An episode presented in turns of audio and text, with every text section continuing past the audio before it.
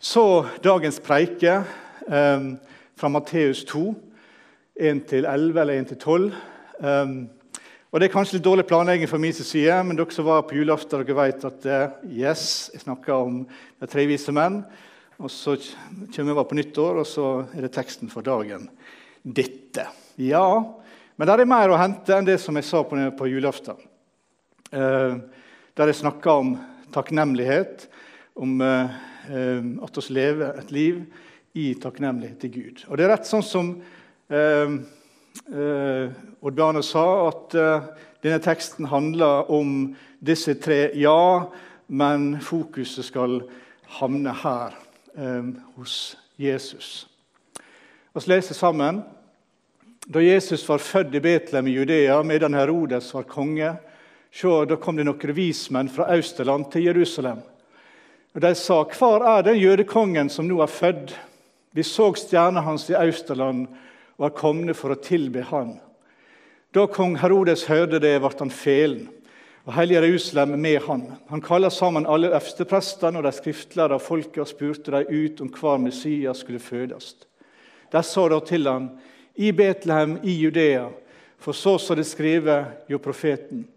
Du, Betlehem i Judaland, er så visst ikke den ringeste mellom fyrstene i Juda, for fra deg skal det stige fram en hovding som skal være hyrding for Israel, folket mitt. Da kaller Herodes vismennene til seg i løgn og spurte de nøye ut om tida da stjerna hadde synt seg. Så sender de til Betlehem og sa, gå av sted og spør nøye ut om barnet. Når de har funnet det, meld da fra til meg, så jeg òg kan komme og hylle det. Da hadde jeg hørt eh, hva kongen sa, dro de av sted. Og sjå stjerna som de hadde sett i austen, gikk føre dem til dess hun kom og ble stående over staden der barnet var. Og Da de så stjerna, ble de overlag glade. De gikk inn i huset og fikk se barnet og mora Maria, og de falt ned og tilba det. Så åpna de skrina sine og bar fram gaver til barnet, gull, røykelse og myrra. Men da de ble varsla en drøm om at de ikke skulle vende tilbake til Herodes, dro de en annen vei hjem til landet sitt. Herre, dette er ditt ord. Eh, hjelp oss å ta det til oss og la disse synke inn i vårt hjerte. Amen. Lille julaften så fikk jeg en lapp i posten. Eh, og eh, det var noen i, eh, anonymt, eh, det var noen i byggefeltet som reagerte på at jeg også i år hadde hengt opp den store stjerna, den sekstagga stjerna, bak huset godt synlig for alle som kjører forbi. Og Budskapet var litt sånn at det å henge opp ei davidsstjerne har ingenting med kristen jul å gjøre. Og jødene feirer ikke jul. Så om jeg var så snill å ta den ned, så var det fint. Og Jeg sløkte den, og jeg tok den ned. Det er ingen eh, behov for meg å markere noe som helst. Eh, og, og, og, vekke forargelse. Det skulle være til glede og, og lys osv. Så og, og eh, er det andre i byggefeltet vårt som, eh, som har tenkt å ta opp kampen, glem det. Det er ikke det verdt. Um, så får vi se om det blir en, en god samtale om det ved en senere anledning. Hvem veit?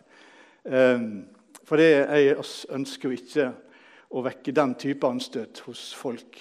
Men det er litt sørgelig at kristen jul eh, blir så løsrevet fra det jødiske i folks tankegang. Hva er det vi leser her? Hvor er den jødekongen som nå er født? Han skulle være jødenes konge. Han Jesus Kristus var av Davids hus og ett. Og han eh, var født inn i dette som et nyfødt barn, bestemt for å være jødenes konge. Eh, og Vers 4 er det klart hva vismennene egentlig mener med jødenes konge. Han, altså Herodes kaller sammen øversteprestene og de skriftlærde folk og spurte dem ut hva Messias skulle fødes. Herodes hadde blitt kalt for, for eh, jødenes konge av senatet i Rom i, i snart 40 år. Ehm, så ingen kalte han likevel Messias. Messias betyr den hersker, eller den salvede, den som er salva til å være eh, ifra Gud. Som skulle overvinne alle andre herskere. Som skulle etablere Guds rike og aldri opphøre å eksistere. Det var Messias' forventninger. Og eh, Begrepet Messias kommer av det eh, hebraiske verbet 'mesach'. Betegner en, en handling der noen blir salva, utført av en profet, eh, der det smøres salve, olje, på hodet. Det er salvelsen. og Det var dette det som en forventa og, og venta på. Og Vi vet ikke hvor disse vismennene fikk informasjon ifra. Hvor de hadde kildene sine fra i forhold til den leteaksjonen som de satte i gang. Men det er klart at Herodes han fikk dette budskapet. Og Disse karene søkte ikke bare etter en, en vanlig etterfølger av Herodes sitt styre, men de søker den ultimate kongen, den siste kongen, han som skulle avslutte regjeringa til alle andre konger. Og selvfølgelig, i motsetning til, til Anna, Fanuels datter, som vi leser om i Lukasevangeliet, om Simon i tempelet, så var det altså Kjente ikke Herodes dette og lengta langt et ifra etter han også. Han kjente ikke engang de enkle skriftavsnittene om denne Messias som skulle bli født. Og Derfor så spør han de skriftlærde. Derfor så er det en tekst som fokuserer på dette, nemlig Mika kapittel 5 og vers 1, der det står Men du Betlehem Efrata, som er liten til å, til å være mellom de tusen i Juda. Fra deg skal det gå ut for meg en som skal herske over Israel. Opphavet hans er fra gammel tid, fra evige dager. Det kan jo høres ut som et lite sitatfusk. ut ifra det som vi leser her. Eh, for det svaret som Herodes fikk, der står jo det Du Betlehem i Judaland, som, er så, som så visst ikke er den ringeste mellom fyrstene i Juda. Eh, altså Han bringer inn et, et eh, eh altså Mikateksten erklærer Betlehem som liten eller den ringeste. Og så føyer Matteus inn eh, et 'så visst ikke' eller 'slett ikke'. og Dermed så blir på en måte betydninga snudd på hodet. Men Gunnar Jonstad, eh, en broder eh, som dere kjenner mange fra NLA, han sier noe om at eh, når en siterte på denne måten i antikken, så var det tillatt å bygge inn kommentarer i et sitat. Og Matteus sier han, kommentar er at Jesu fødsel som Messias i Betlehem er gjort, har gjort den ringeste byen til slett ikke den ringeste. Og Tankegangen er både i Mika-teksten og Matteus-kommentaren den samme. Selv om du er av de minste, skal du bære fram det aller største, sier Gunnar Jonstad. Så Svaret fra de skriftlærde høres ikke veldig ekstraordinært ut, det heller. Årsaken er at det eneste formålet som disse skriftlærde Eh, hadde med å sitere teksten, det var å spørre, svare på Herodes' spørsmål. Hvor? Hvor skal det skje? Og så svarer de at dette skal skje i Betlehem, i Juda. Ikke en av de andre plassene i riket som heter Betlehem, men nettopp Betlehem i Juda. Ehm, og Det er ikke uvesentlig hvor Messias ble født. Og Dette har altså med den jødiske konteksten som oss må forstå hele Guds ord i, og også vår kristne jul i. Den kan ikke løsrives fra det jødiske. Og eh, eh, når Jesus sier at frelsa kommer ifra jødene, så betyr det at dette er tett knytta sammen.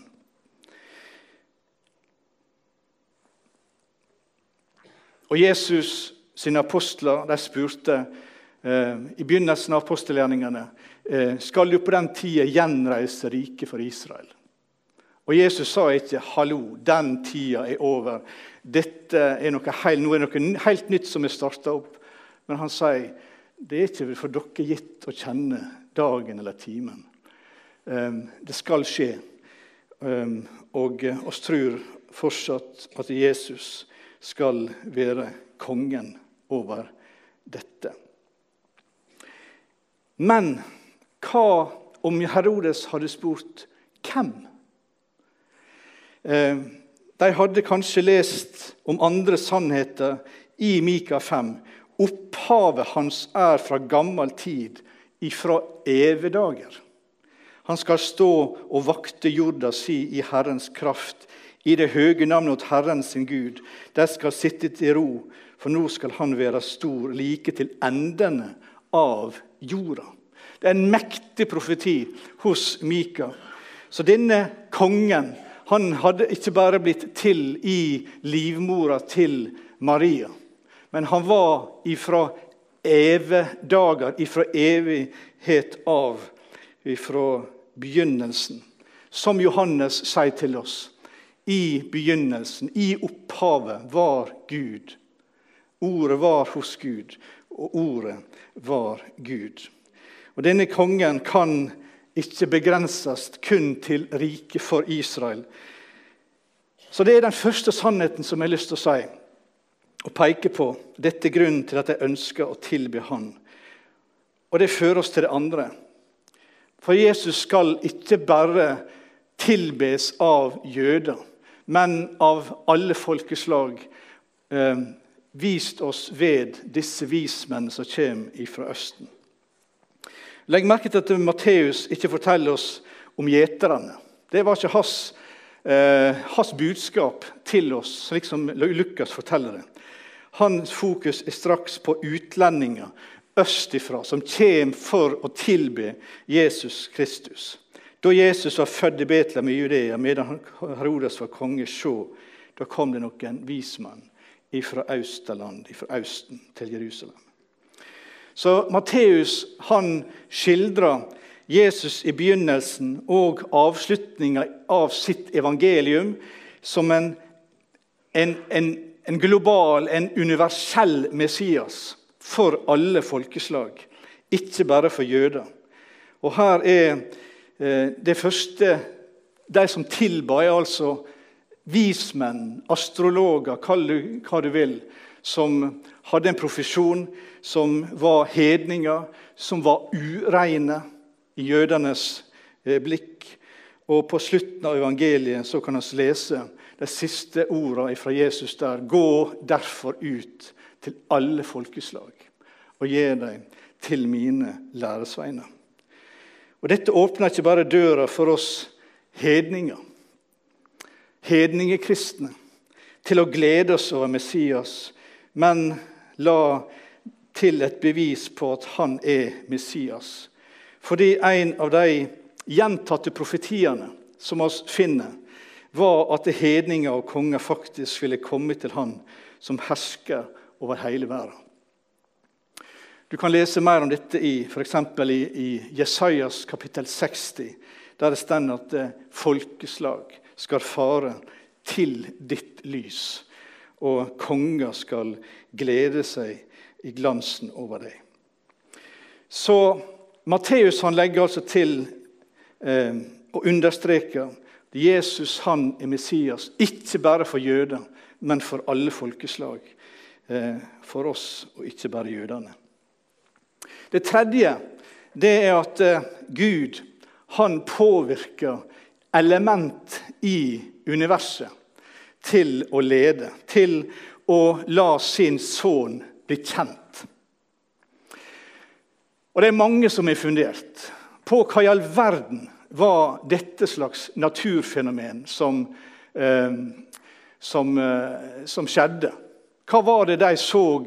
Og jeg prøvde på en måte å finne tilbake til den tida. Og Noen har skrevet lange avhandlinger om, eh, om planeter og stjerner osv. Som, og spesielle konstellasjoner av dette som kunne føre til at det var et sånt lys, og at det var eh, kometer eller supernova eller mirakuløse lys som viste seg eh, for disse. Jeg tror, og det kan man gjerne være uenig og synes at det er spennende å granske på sånne ting Jeg tror at det er ganske nytteløst. Vi veit ikke. Um, og det som er, er at oss lett, når vi begynner på sånne spørsmål, så borer vi oss ned i blogger og YouTube-videoer her og der som leder oss inn i kanskje spennende eller fascinerende ting å lese. Og Det er greit nok så lenge jeg og du har hjertet vårt og fokuset vårt på det som er sentralt. Det som er hovedbudskapet i Bibelen. Om Jesus som kom, eh, om Gud som skaper, om, om Gud som frelser. Om Gud som, som eh, rettferdiggjør mennesket ved tru alene. Om vår helliggjørelse. Om eh, Jesu gjenkomst. Om dommen på den ytterste dag osv. Disse sentrale tingene. Så lenge Gud kan holde hjertet vårt der, så, å ha, være planta der, så tenker jeg ikke det er så skadelig om jeg og du eh, er litt på vidvanke og leser om detaljer og, og prøver å finne ut hvordan kunne når Jonas overleve tre dager i en, i en fiskens buk? Eller hvordan kunne når folket vandre gjennom Rødehavet osv.? Eh, men det er altså lett for at oss beveger tanken vår inn i det som er perifert, og ikke det som faktisk er Bibelens hovedbudskap til oss. Gud han er suveren, og han leder folket sitt ved ei røyksky eh, om dagen og ei ildstøtte om natta i Det gamle testamentet. Og Det er ingen problem for Gud å kunne gi et lys til disse, som de fulgte for å følge Jesus og finne han og tilbe han. Eh, Matteus viser at Gud han påvirker stjernene på himmelen for at disse utenlandske vismennene skulle komme til Betlehem, slik at de kunne tilbe han. Jeg leste ei, ei preik av Charles Haddon Spurgeon. Spurgeon. Um, og han um, uh, Hadde hatt, skulle holdt den, så hadde jeg holdt på ca. en, en og en halv time ut fra lengden på manuset hans. Så jeg skal bare ta noen korte utdrag. Fortvil ikke når du hører at en pastor har sluttet å forkynne evangeliet, eller at en annen kjemper mot Guds sannhet. Deres frafall skal være til deres eget tap snarere enn til Jesus og hans kirkes skade. Når alle ypperste prestene og de skriftlærde har gått i grøfta, setter Herren stjerner i sin tjeneste. Og enda en gang forteller himmelen om Guds herlighet, og himmelhvelvingen viser Hans verk. Om det mangles talere for den inkarnerte Gud, vil fjell og åser lære veltalenhet og bryte ut i vitnesbyrd. Jehovas budskap skal gjøres kjent for jordens ytterste ender. Gud skal frelse sin ut, sine egne utvalgte. Hans råd skal bli stående, og han vil gjøre alt det han vil. Halleluja, skriver Spurgeon. Dette er Guds verk. Sånn handler Gud. Det er Guds inngripen. Han gjorde det den gangen, og han kan fortsatt gjøre det. Han holder fram med å gjøre det i vår tid. Og Hans mål er at nasjonene, alle nasjoner skal tilbe den Herre Jesus Kristus. Det er målet. Og det er Guds vilje for meg, og for deg og for oss alle på arbeidsplassen vår, i heimen vår, i forsamlingen vår. Uansett hvor vi er i hverdagen, så er det hensikta å tilbe den Herre Jesus Kristus. Dette evangeliet om riket skal forkynnes i hele verden til et vitnemål for alle folkeslag. Og så skal enden komme. Matteus 24, 14. I begynnelsen av Matteusevangeliet her så møter oss et sånt 'kom og sjå'-budskap. Og det ender opp i 'gå ut og forkynn'. Hensikta er den samme for Gud, nemlig at eh, folk fra alle nasjoner og tungemål skal tilbe Hans sønn. Det fjerde som jeg vil peke på, det er at Jesus han er et problem. Og han er et problem for to grupper mennesker, eh, som vi finner i denne teksten. Eh, og som fører til motstand for de som tilber han. Det er kanskje ikke et hovedpoeng hos Matteus. Men det blir veldig tydelig for oss når vi leser videre utover i beretninga eh, og i evangeliet, at det er uunngåelig å legge merke til. Denne historien er det altså to typer mennesker. Og Erfaringa vår viser at det er to typer mennesker som ikke ønsker å tilbe Jesus Kristus i Messias. Den første gruppa er de som rett og slett ikke gjør noe med Jesus. Er en, Jesus er en ikke-person.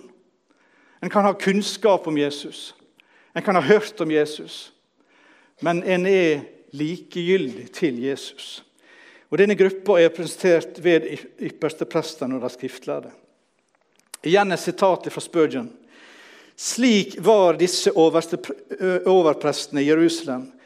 De kunne fortelle hvor Kristus ble født, men de gikk aldri for å tilbe han.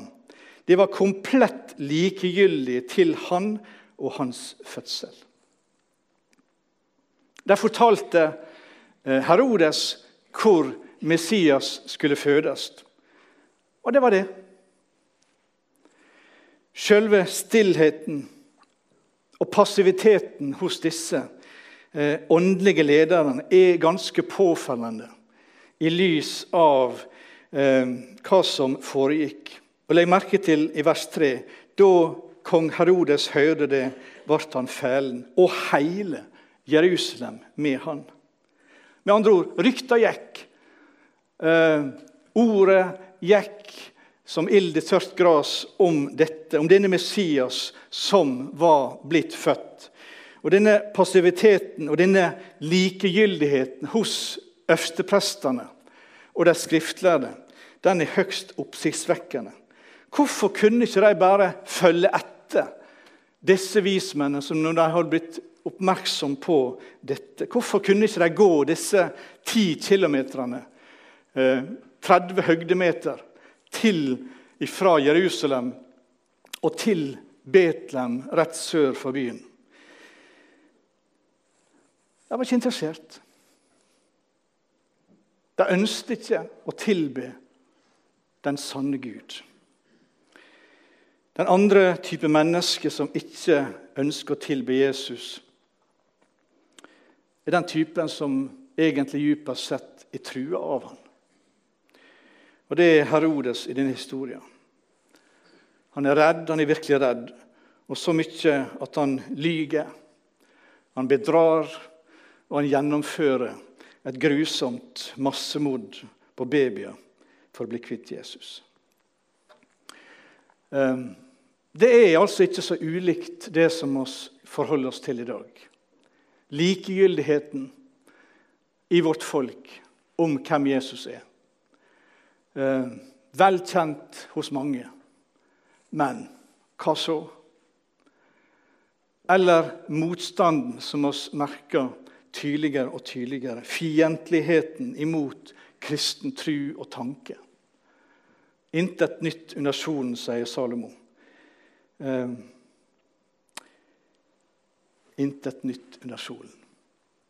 Det siste og det viktigste vil jeg avslutte med, nemlig det å tilbe Jesus Kristus. Hva betyr det? Jo, det betyr å gi Han ære og verdighet autoritet, eh, og at vi kan komme til Han med våre gaver. Alt dette ser oss i den teksten. For det første så ser vi at vismennene de gir myndighet til Jesus. De anerkjenner hans myndighet og hans eh, eh, spesielle eh, personlighet som for den som han er. Hver er den jødekongen som nå er født? Vi er kommet for å tilbe han. For det andre så ser oss vismennene som gir han verdighet ved å bøye seg for han, ved å knele for han, ved å anerkjenne at du er den største. Ved å ydmyke seg i forhold til Han som fortjener all vår verdighet. Det å falle til bakken og si det er du som er stor, det er du som er høy. Jeg bøyer meg for deg. Og For den tredje så ser oss gleden. Er ikke det fint? Er ikke det bemerkelsesverdig å legge merke til det vi kanskje tenker som noen sånne eh, gravalvorlige karer som kommer ridende? Um, og, og, og, og, alvoret i deres i forhold til, til, det som er. Men vi leser altså om gleden. Da de så stjerna, ble de overlag glade. Og King James version sier When they saw the star, they rejoiced with exceeding great joy. Hva handler denne gleden om? Jo, de var på vei til Messias. Nå var de nesten framme. Målet var nådd.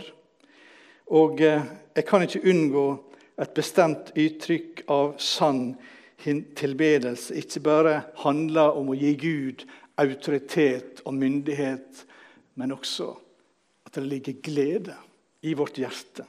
Sann tilbedelse skjer når du har fått sett noe ved den Herre Jesus Kristus, som fyller ditt hjerte med en glede over hva du har som eier Han, som har fått møtt Han, som eh, gjør det tvingende nødvendig å gi Han ære og autoritet. Og Den fjerde delen av tilbedelse det er å bringe fram gave. Offergave til barnet til Jesus. Det å tilbe Jesus betyr å opphøye Han og gi Han også gave. Hvordan skal vi forstå det? Apostelgjerningene 17 sier at han let seg heller ikke tjene av menneskehender som om det var noe han skulle trenge. For det er Han som gjev alle liv og ande og alle ting. Så vismennene sine gaver handler ikke om sosialstøtte eller bistandsarbeid. Selv om de gavene som Jesus fikk, eh, måtte være utrolig gode å ha når de skulle flykte, være som flyktninger i Egypt seinere. Om du skulle få audiens hos kong Harald, så kommer ikke du der med eh, et gavekort fra Rema eller noen eh, fra militæret eller hva som helst. noen slike ting. Eh, det er ikke verdig den kongen. Eh, heller ikke disse gavene meint til å bestikke. For Herren dykker Gud er Gud over gudene Herre over herrene, den store. Han som ikke gir skil på folk og ikke tar imot gaver, står det i 5. Mosebok 10. Han tar ikke imot gaver. Så hva betyr dette, da? Det er en som har sagt det sånn. Jeg vet ikke helt hvem som har sagt det. Jeg klippet det fra en plass. Når du gir en gave til Kristus som dette, er det en måte å si Gleden som jeg søker, er ikke et håp om å bli rik med ting fra deg. Jeg er ikke kommet til deg for å gi deg dine ting, Jesus, men for å få mer av den du er. Og Dette ønsker jeg nå intensivere og demonstrere ved å gi opp ting jeg har, i håp om å glede meg mer i deg, ikke i mine ting. Ved å gi deg det du ikke trenger, og ved å gi deg det jeg kan nyte, sier jeg mer inntrengende og mer autentisk. Du er min skatt, ikke disse tingene.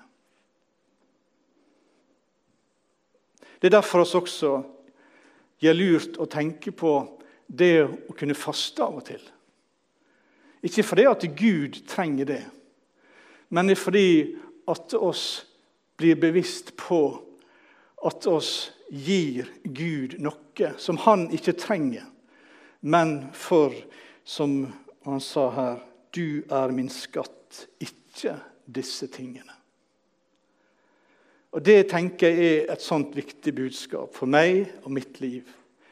Jeg og du som samler på alle disse tingene. Og så lurer oss på hva oss kan gi til Gud. Og så Gud minner oss om hva han trenger i sitt rike, i sitt, sitt, sitt, eh, sitt arbeid. Og Det er derfor jeg tror det å tilbe Gud med gull, røykelse og myrra handler om disse ting. Jeg dere klar for et siste Spurgeon-sitat. Måtte føtter som har vært vant til brede veier, men uvant med den smale sti, i dag følge den veien til de ser Jesus, og hvordan de foran ham av hele sitt hjerte finner frelse i ham. Disse vise menn kom naturlig og krysset ørkenen. La oss komme åndelig og finne forlating for våre synder. Disse ble styrt av syn av en stjerne. La oss bli veiledet ved tro på den guddommelige ånd, ved å undervise i Hans ord og alle de velsignede lys som Herren bruker til å lede mennesker til seg selv. Bare la oss komme til Jesus. Det var godt å komme til barnet Jesus ledet av en stjernes svake stråler. Dere vil finne det enda mer velsignet å komme til ham, nå som han er opphøyet i den høyeste himmel, og ved sitt eget lys åpenbarer han sin egen fullkomne herlighet. Vent ikke, for i dag, sier han, kom til meg, alle som strever har tungt å bære, og jeg vil gi dere hvile.